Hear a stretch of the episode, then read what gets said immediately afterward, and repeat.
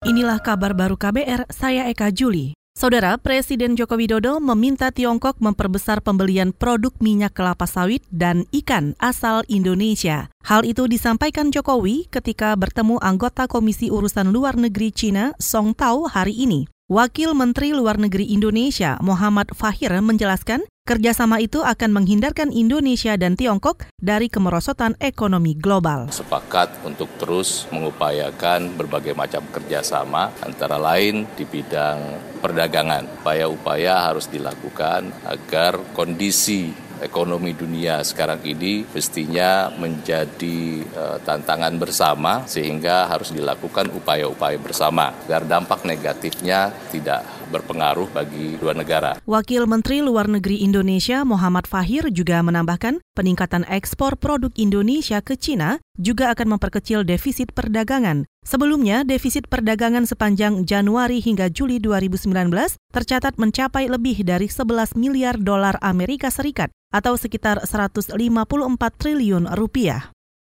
Kita ke soal lain, Aktivis hak asasi manusia Veronica Koman resmi ditetapkan sebagai daftar pencarian orang atau DPO. Kapolda Jawa Timur Luki Hermawan mengatakan, selain menerbitkan DPO, polisi juga akan meminta kepolisian internasional menangkap Veronica atau memperlakukan red notice. Ia mengklaim status DPO Veronica Koman sudah sesuai prosedur. Selain itu, Kementerian Luar Negeri juga sudah bersedia membantu mencari Vero. Kemarin setelah melakukan gelar di Baris Krim dengan Kubinter, dengan Kabar Eskrim, bahwa kami sudah mengeluarkan DPO itu tadi Kapolda Jawa Timur Luki Hermawan. Sebelumnya Polda Jawa Timur menetapkan Veronica Koman sebagai tersangka dalam kasus kabar bohong dan ujaran kebencian. Penetapan ini dilakukan usai adanya pengepungan dan tindakan rasisme kepada mahasiswa Papua di Surabaya.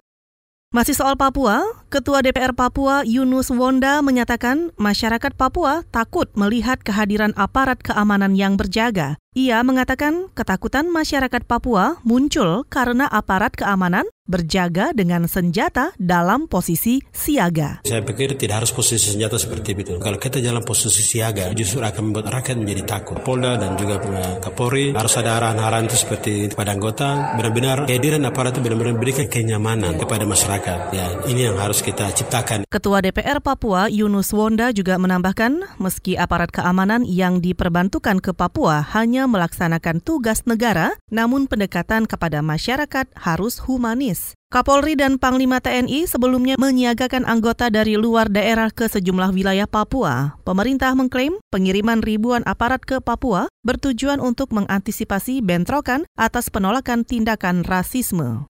Kita ke informasi mancanegara. Satu pesawat tempur F-16 milik Belgia jatuh di dekat kota Lorient di Prancis Barat Daya pada hari Kamis waktu setempat. Pesawat itu lepas landas di pangkalan Florence dan akan menuju ke pangkalan udara Lenbihou di Morbihan, Prancis. Kedua pilot dikabarkan selamat dalam kejadian itu. Angkatan Udara Belgia menjelaskan, keduanya melontarkan diri ketika mengetahui pesawat akan jatuh. Sementara itu, petugas dinas penyelamat berhasil menolong salah seorang pilot, sedangkan pilot lainnya tersangkut di kabel listrik tegangan tinggi oleh payung terjunnya.